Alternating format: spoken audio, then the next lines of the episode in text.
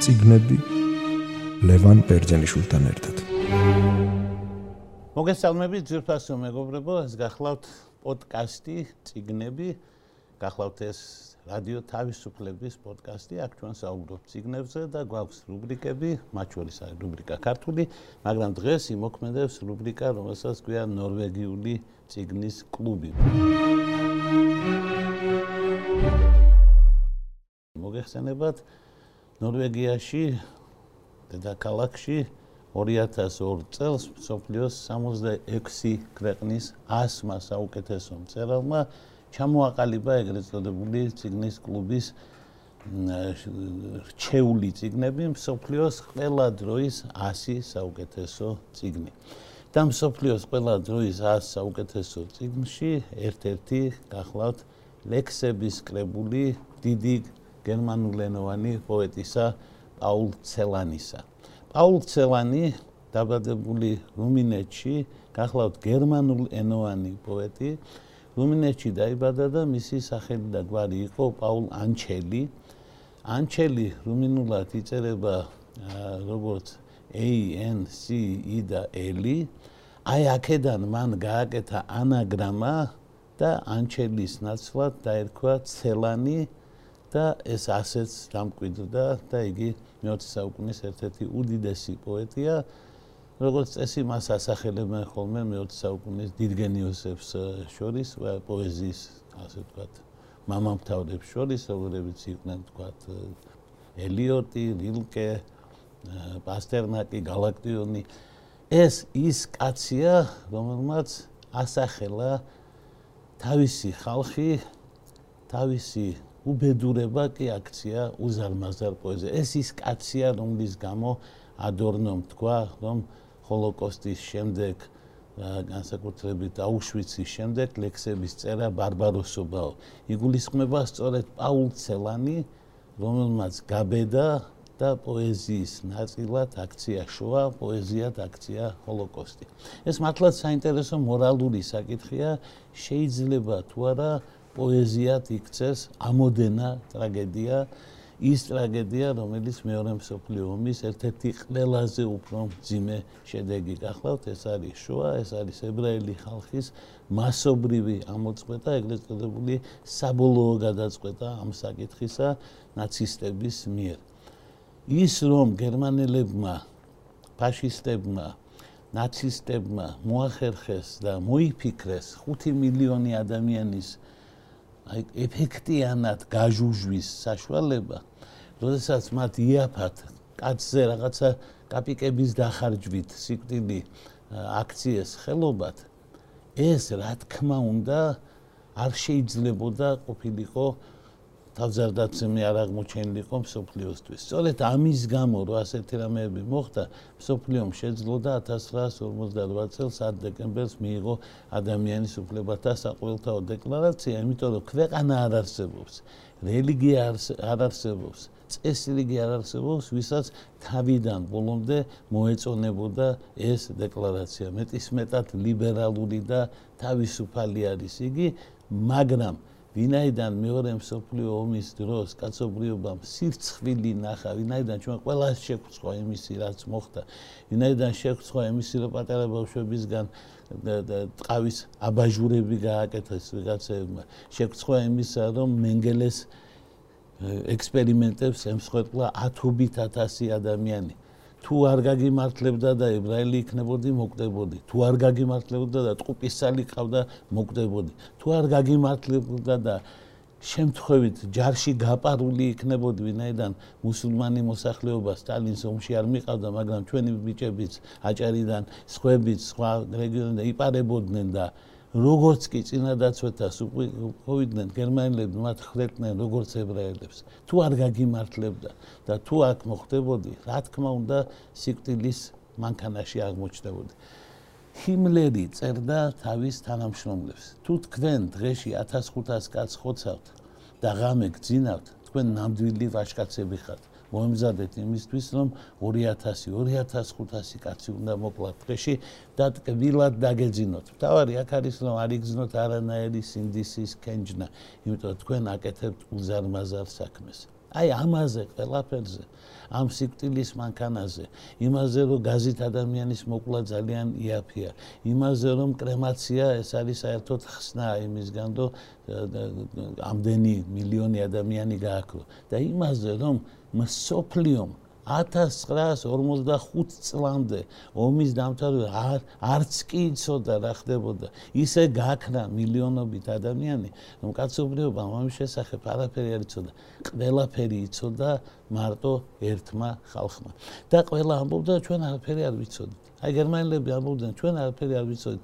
შეიძლება გულუბყვილო ადამიანმა მსოფლიოში ციცი ფიქროს, რომ მართლაც თუ თუ ჰიტლერმა იცოდა მარტო და ჰიმლერმა და თუ შექსპირ თუ ინგლისის საბჭოთა კავშირის ამერიკის და საფრანგეთის ხელმძღვანელებმა არ იცოდნენ. მაშინ ისე კი შეიძლება არც გერმანულმა ხალხმა არ იცოდა. ეს უნდა დაივიწყოთ იმიტომ რომ იქ ადამიანს რომ შეიყვანდნენ და მოგეხსენებათ ძირითადად სპობდნენ ებრაელებს და ისიც მოგეხსენებათ რომ ძირითადად ეს ებრაელები გახდნენ საშუალოზე მაღალი კლასის წარმომადგენლები. მათ კარგად ეცვათ და ეხურათ. მათ ხარისხიანი სათვალეები ეკეთათ. მათ ოქროტნიკბილები სერიოზულად ჰქონდათ ასე ვთქვათ ოქროთი და ვერცხლით გაკეთებული. აი ამ ხალხის ტანსაცმელი ამ ხალხის ფეხსაცმელი. საცვლებიც კი ერგებოდა გერმანელ ხალხს და ყველა ქალაქში ამას როგორც ქველმოქმედებას ისე არიგებდა SS-ი და ისე იღებდა ამას საჩუქრად პატრიოტანი გერმანელი ხალხი. ასე რომ შემთხვევითი კი არ არის რომ სერიოზული ეჭვი არსებობს გერმანულ ლიტერატურაში, მათ შორის ჰაინრიხ ბიოლის, მათ შორის ჩვენს მიერ ახლახან განხილული გუნტერ გრასის შემოქმედებაში, რომ ამის ყველაფრის მონანიება არ მომხდარა და ეს ჯერ კიდევ წინ არის და არც არც ვიცით ეს შესაძლებელია თუ არა. და აი აქ დაისვა მორალური საკითხი. ამის ყველაფრის პოეზიად ქცევა შეიძლება თუ არა? პოეზიაა სილამაზი. პოეზიას ამ შვენიერა შეიძლება თუ არა ამ სიკტილის ინდუსტრიის სილამაზის და პოეზიის საგნად ქცევა. ეს სერიოზული კითხვა იყო ადორნოსთვის და ამიტომ თქვა რომ ბარბაროსობა აუშვიცის მერე ლექსების წერა. მან ბარბაროსად გამოაცხადა სოფლიოს ერთ-ერთი ყველაზე დიდი და საამაყო პოეტი პაულ ცელანი. მე თუ მკითხავთ ბარბაროსი და საქმეში ჩაუხედავი აღმოჩნდა თვითონ ადორნო. საერთოდ მარქსისტობა მძიმე თვირთია და ადორნოსთვის განსაკუთრებით მძიმე თვირთი აღმოჩნდა, იმიტომ რომ ის ვერ გაერკვა სულ უბრალო საკითხში. გერმანელები, ნაცისტები, ფაშისტები ვინც უნდა დაიხმარონ, თუნდაც გვერდით დაიხენონ მუზარმაზარი გერმანული მუსიკა, სოფლიოში სიცოცხლეს ვერ მოსპობენ. და ვერც ებრაელი ხალხის სიცოცხლის უნარს ვერ მოსპობენ. იმიტომ დაიწერა ეს ლექსი იგულისხმება სიკტილის ფუგა. ძირითადად ამ ლექსია ლაპარაკი, უნდა დაწერილიყო თუ არა სიკტილის ფუგა, პაულ ცელანს უნდა დაეწერა თუ არა ეს ლექსი და უნდა ექცია თუ არა პოეზიის საგნად უზარმაზარი მოვლენა ჰოლოკოსტი. ჰოლოკოსტზე ბევრი დაწერილა, ბევრი გადაღებულა, მშვენიერი ფილმი არსებობს მოგეხსენებათ ერთი ორი ძალიან კარგი მუსიკა არსებობს, მაგრამ ჰოლოკოსტის ძეგლი თავარი, რა თქმა უნდა არის პაულ ცელანი და მისი ადრეული პოეზიიდან აღებული ეს უზარმაზარი ლექსი, რომელსაც ქვია სიკტილის ფუგა. და ის დაიწერა იმიტომ, რომ არსებობდეს სახელმწიფო ისრაელი, რომ არსებობდეს ებრაელი ხალხი და რომ არსებობდეს ეს მეხსიერება თუ რა ჩაიდინა სოფლიოს ერთ-ერთმა ყველაზე გამოსულმა მოწინავე და დამსახურებულმა ხალხმა გერმანელებმა მეორე მსოფლიო ომის დროს. ჩვენ გვახსოვს პოლ ვალერის სიტყვები, რომ აი გერმანელი რა კარგი ხალხია, რამდენი რამ გაუკეთებიათ, რა მუსიკა, რა ფილოსოფია, მაგრამ ორი მსოფლიო ომიც მათი წამოწყებულია. ასევე არ უნდა დაგვავიწყდეს ის, რომ როდესაც ომის შემდეგ გაჩნდა ორი გერმანიის თეორია, და გერმანიის დემოკრატიული რესპუბლიკას არ გულისხმობ, გულისხმობ ორ გერმანიას, ნაცისტურ გერმანიას და არანაცისტურ გერმანიას, მაშინ თომას მანმა პატიოსნად თქვა ის სიმართლე, რომელიც ეხება გერმანიასაც, რუსეთსა და საქართველოს არანაირი ორი გერმანია არ არსებობს. სწორედ იმ გერმანიამ რომელმაც შვა ბახი ბეთჰოვენი უზარმაზარი ფიგურები შილერი გოეთე და სხვა და თომას მანი და ჰაინრიხ მანი და ჰაინრიხ ბიოლი და გუნტერ გრასი და სხვა აი ამ გერმანიამ ჩაიდინა ის რაც ჩაიდინა ამიტომ არ უნდა გაგვიკვირდეს არც ის სიტყვები, რომელიც შეხვდება ლექსში, რომელსაც ქვია სიკტილის ფუგა. პაულ ცელანძე შემიძლია კითხათ ორი სიტყვით რო ვთქვათ მისი ბიოგრაფია, ეს იყო კაცი, რომელიც დაიბადა რუმინეთში, ბუკოვინაში დაიბადა. ეს ებრაული მხარე გახლავთ, გერმანულენოვანი იყო. საბოლოო ჯამში იგი საფრანგეთში აღმოჩნდა და მოკვდა როგორც საფრანგეთის მოქალაქე. სიკტილი მისი გამოიწვია იმან რომ მას დეპრესია აწუხებდა საქმე ის არის რომ როდესაც პაულ ცელანი სოფლიოში სახელგანთქმული პოეტი გახდა ერთი გარდაცვლილი პოეტის გოლის მეუღლემ იგი ამხილა თითქოს მან მოიპარა მისი მეუღლის ლექსები. დღეს შეგვიძლია მყარად თქვათ რომ არანაირი პლაგიატი არ ყოფილა პაულ ცელანი პლაგიატორი არ ყოფილა გოლი ის პოეტი არ იყო ვისგანაც პაულცელანი მოიპარავდა.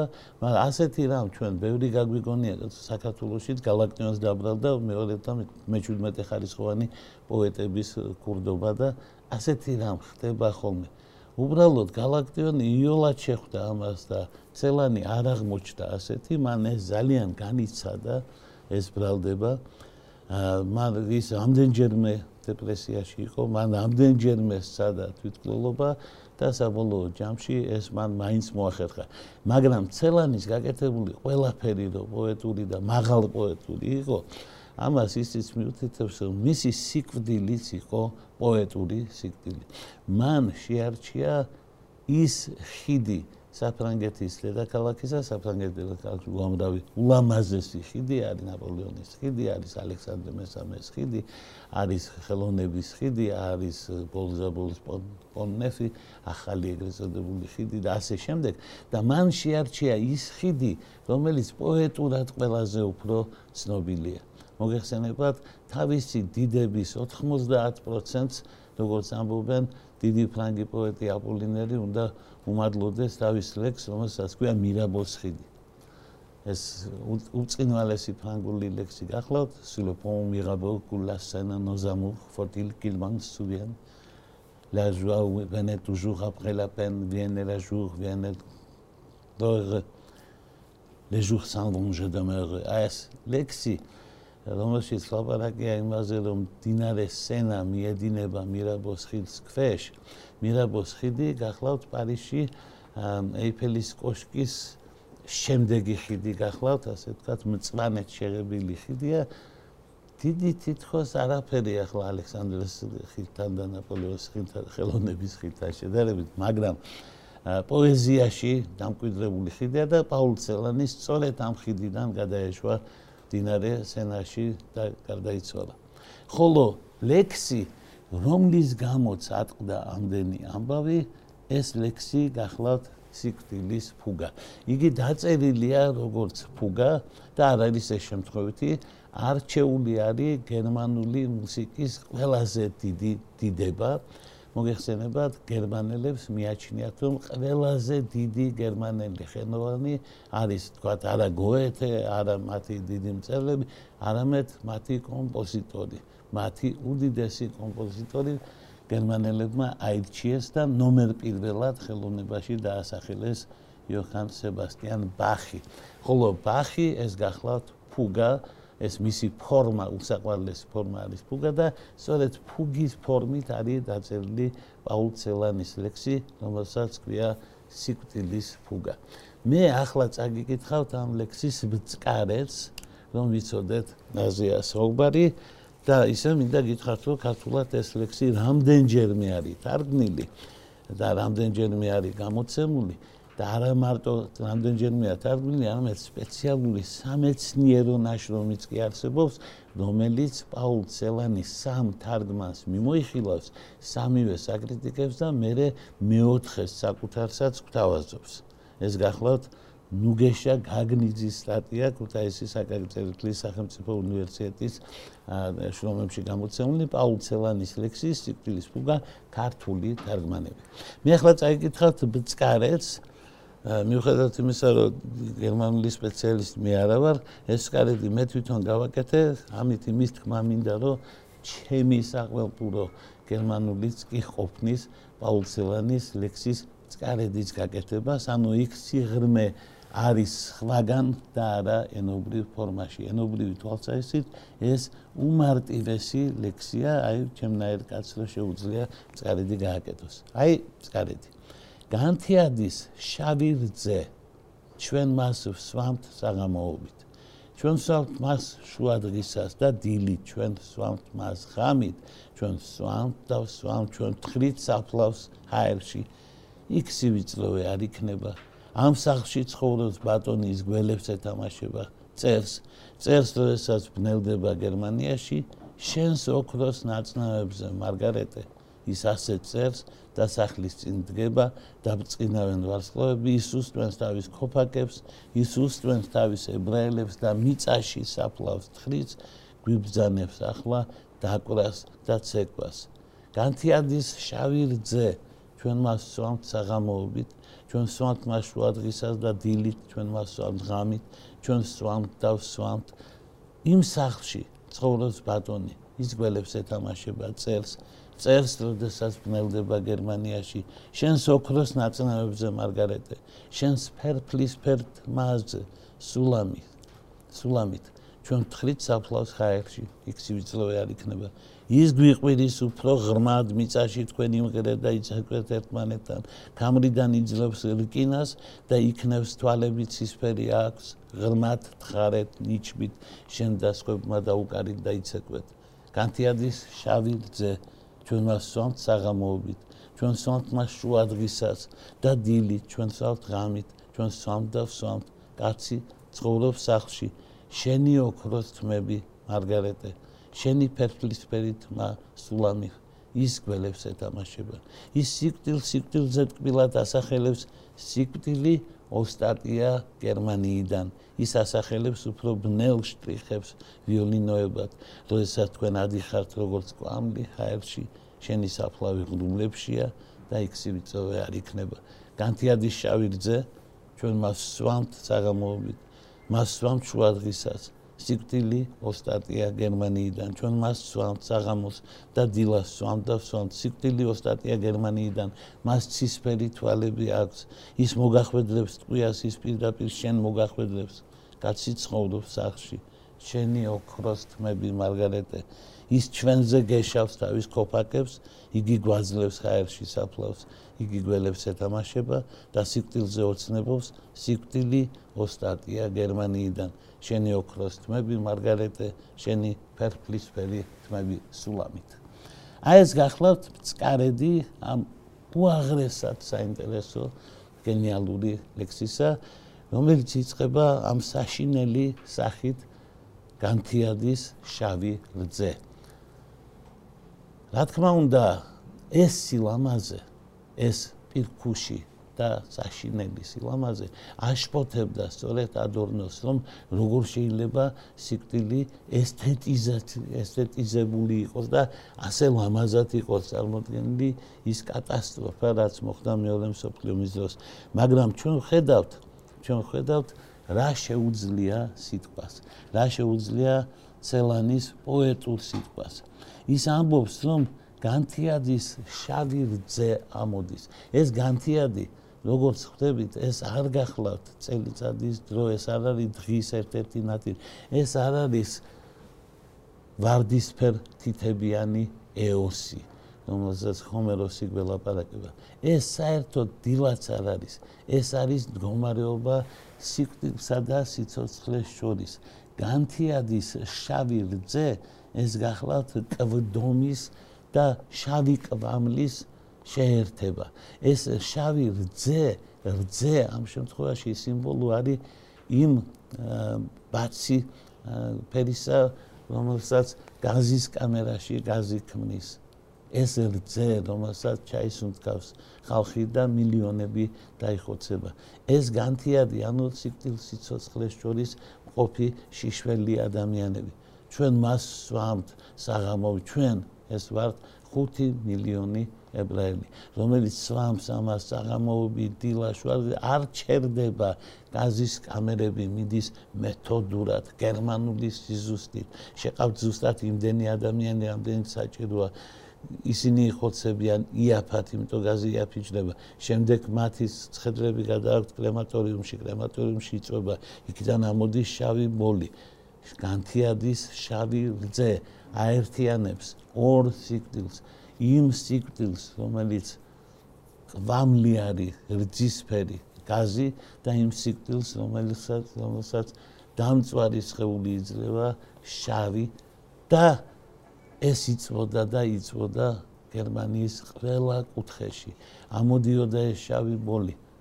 ჩემთან ბათუმში, როდესაც ამუშავდებოდა ქარხანა გადამამუშავე ხორცს კომბინატი რო ამუშავდებოდა ძლებს რო წავდნენ ნახევარი ქალაქი ვიხჭობოდით და როგორ გონიათ როდესაც 5 მილიონი ადამიანი იწვოდა გერმანიაში ვარდის და იასამნის სურნელი იყო ძალიან კარგადაც ესმოდა ყველას რაც ხდებოდა. სამწუხაროდ სანდრო ეს ლექსიც ამას ამბობს. არ დაინდო ამ ლექსის ავტორმა მან არ თქვა რომ ნაცისტები იყვნენ სხვანაირები და არის ხუთი გერმანია და ერთი ცუდია და ოთხი კარგია.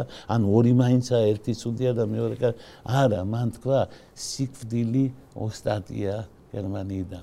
მას ცისფერი თვალები აქვს. დაუნდობელი სიტყვებია რა თქმა უნდა. მე მიჭირს წარმოვიდგინო რას გზნობს გერმანელი მოქალაქე რომელიც ამ ლექს კითხულობს და რატომღაც ვერ წარმომიდგენია რომ აი ეს ლექსი მარტო ჩვენ წავიკითხეთ. გასაგებია ეს გერმანულადაა დაწერილი იგი გერმანული ლიტერატურის კუთვნილება და იგი გერმანელი ხალხისთვის არის დაწერილი. აქ როგორც ხედავთ ორი ქალია ნახსენები. მარგარეტე და სულამითი. სულამითი ეს გახლავთ ქებაქებათაის ობიექტი ყველაზე ყველაზე მნიშვნელოვანი შეულებრივი სილამაზე, რომელზეც ლაპარაკობს ბიბლია. ხოლო მარგარეტა ეს გახლავთ გერმანული ლიტერატურის ბიბლიის, ანუ პაუსტის მთავარი გმირი, კრეთხენი, კიდევ ერთი, ასე ვთქვათ, ცოდვილი, რომელმაც ჭეშმარიტად მოინანია.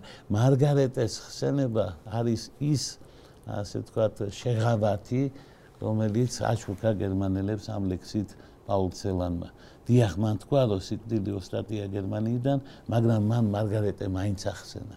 მარგარეტე ცოდვილი ადამიანი, რომელს რომლის ცოდვა უზარმაზარია, მან დედა შეიწირა, მან ძმა შეიწირა, მან ბავშვი კი არ შეიწირა, თავისი ხელით დაახჭო და იგი სიკვდილს იმსახურებს და ბუნებრივია სიკტილი დაიჯება კიდეც, მაგრამ მას აქვს შანსი შეყარებულთან ერთად გაიქცეს და ის ამას არ გააკეთებს. პირიქით, დაიბარებს და დაუბარებს ფაულს, სად და როგორ უნდა დაიგზავნოს იგი და სად უნდა დაიგზავნოს მისი შვილი, სად უნდა იყოს მისი ძმა და დედა დაგზავნილი. და ეს არის ის მარგარეტე რომელიც რომლის სულს ელოდებოდა ფაუსტი მეფისტოფელი ხელებს იფშნებდა უკვე იმიტომ რომ მისი სული ნამდვილად მას ეკუთვნოდა მაგრამ სწორედ იმის გამო რომ მარგარეტემ თავისი დანაშაული აღიარა და არ გაიქცა და სიცოცხლეზე არიზრუნა და სიკვდილი ისურვა და დაუშვა სწორედ ამის გამო მე-11 ჟამის მუშაკად გამოაცხადა უფალმა და იგი აცხონა, რამაც გააოგნა მეფისტოფელი და განარისხა და ძალიან უხასიათოდ გახადა. არა მარტო ამაღლდა მარგარეტე, არამედ ფაუსტის სულის ამაღლებაშიც მიიღო მონაწილეობა. სწორედ ამიტომ არის პაულცელანთან იგი ნახსენები და ამიტომ არის იგი ნახსენები ებრაულ სიდიდესთან, სულამითთან ერთად. გერმანელი ქალი, ებრაელი ქალი გერმანული პოეზიის მთავარი მუზა და ებრაული და სოფლიო რელიგიური პოეზიის უმაღლესი წერტილი ულამაზესი და უმშვენიერესი სულამითი გვერდი გვერდ არის ნახსენები. ოღონდ აქ კიდევ ერთხელ შეგვიძლია გადავხედოთ, რომ ჩვენ ჩვენ ვთხრით საფლავებს. ანუ აქ ლაპარაკობს მსხვერპლი, აქ ლაპარაკობს 5 მილიონი ებრაელი. რო ის თხრის საფლავებს პირდაპირ ჰაერში, იმიტომ რომ მათ მიწიერი საფლავი არ შეხვდებათ. მათი არაფერი არ დარჩება. ფერფლიც კი მათი არ შეინახება. ეს ის შემთხვევა არ არის, ეს ის კრემატორიუმი არ არის, საიდანაც მე ესე იგი სპეციალური ჭურჭლით ფერფლი უნდა წაიღო.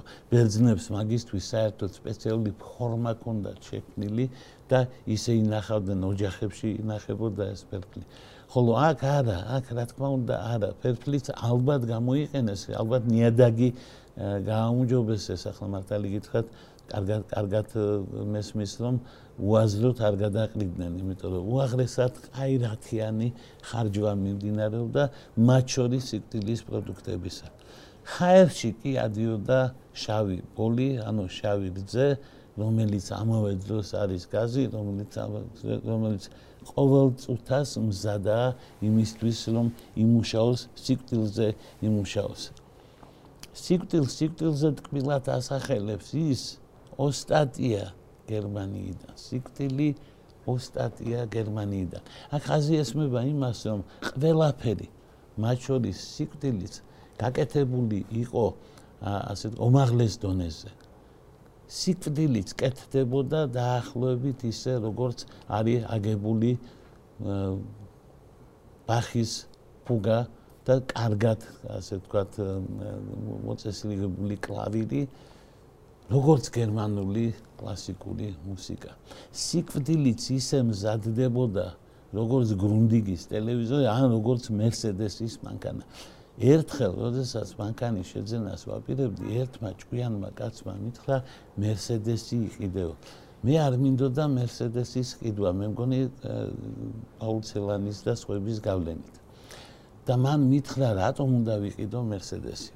მითხრა, რომ აი იაპონურ მანქანას ხო იყიდე, ან ამერიკულ მანქანას ხო იყიდე, იმედია ფრანგულს არ იყიდიო, ასე მითხრა ეს ცოდნე კაცი იყო.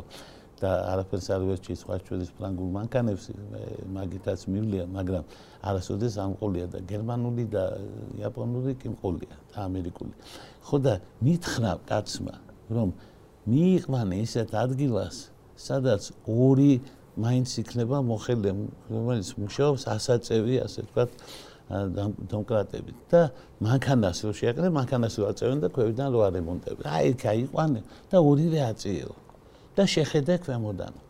ხო მე ასე მოვიქეცი მე დაუჯერე ამ კაცს და შეხედე ქვემოდან. როდესაც შევხედე Toyota-ს ქვემოდან, Toyota ქვემოდან იყო ისეთი როგორც უნდა იყოს ყველაფერი ქვემოდან. ანუ იმ ადგილას რომელსაც ვერან ვერ ხედავს.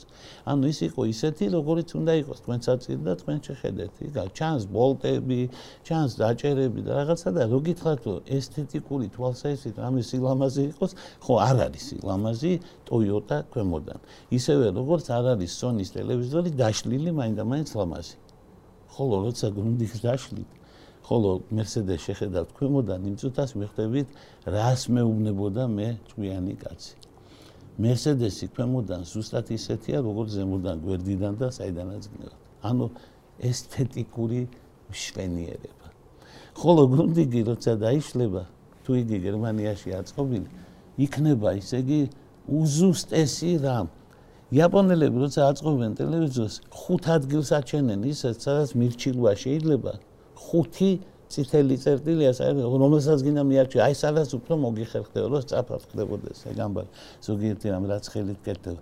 ხოლო იქ გერმანიაში არა ის უნდა ზუსტად არის გათვლილია და პირდაპირ ჩანს ნახაზი წარმომიდგენია როგორ გასკნენ გულზე ფრანგებმა რო იფელის კოშკი ააგეს. დიახ გერმანული სიზუსტით გერმანული ოსტატობით მოხერხდა მეორე მსოფლიო ომში სიტილის მანქანის აწყობა მან იმუშავა გამართულად მან მოახერხა და შეძლო იმდენი ადამიანის დაღუპვა რასაც ხვები ვერასოდეს ვერ მოახერხა. მან მოიფიქრა ამ შემთხვევაში ადამ სმიტის ანდერძის შესრულება და შრომის განაწილება ისე რომ ერთი გენერალი გაზის კამერას ხელმძღვანელობდა, მეორე გენერალი ხელმძღვანელობდა კრემაციას, მესამე გერმანელი ხელმძღვანელობდა იმას, რომ ამის შესახებ არავის არ გაეგო.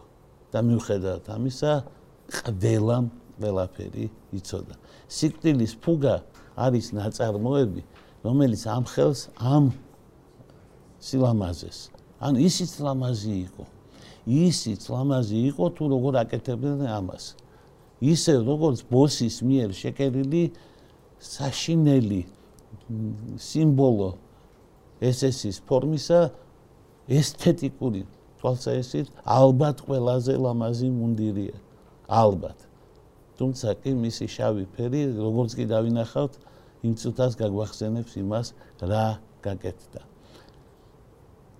პაულ ცელანმა დაწერა ნაწარმოები რომელმაც ზეგლი დაუდგა ებრაელ ხალხს. ეს იყო საეჭვო ნაწარმოები, გახსოვთ რუსთაველმა თქმა საქმე ვქმენ საჭოჭმანებიო. დიახ, პაულ ცელანმა ქნა საჭოჭმანების საქმე. მან სილამაზეთ და პოეზიათ აქცია ის საშინელება, რასაც შოა და ჰოლოკოსტი ქვია.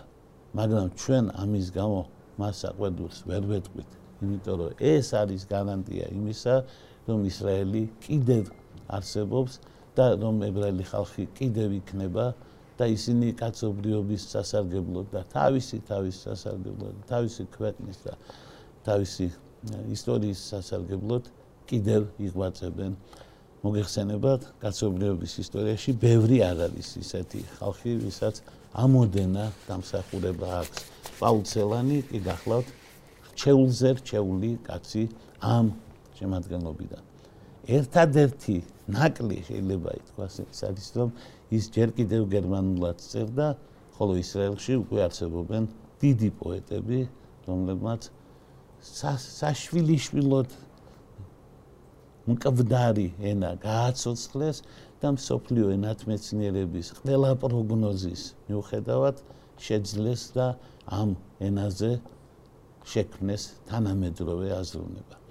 პაულცელანი არის კაცი, რომელიც აბსოლუტურად სამართლიანად მოხდა ნორვეგიული ციგნის კლუბის სიაში და მე მიხარია რომ ჩვენ შევძელით მასზე გადაცემის გაკეთება, ამით გემშვიდობებით, დიდი მადლობა ყურადღებისთვის. ციგნები ლევან ბერძენიშვილთან ერთად.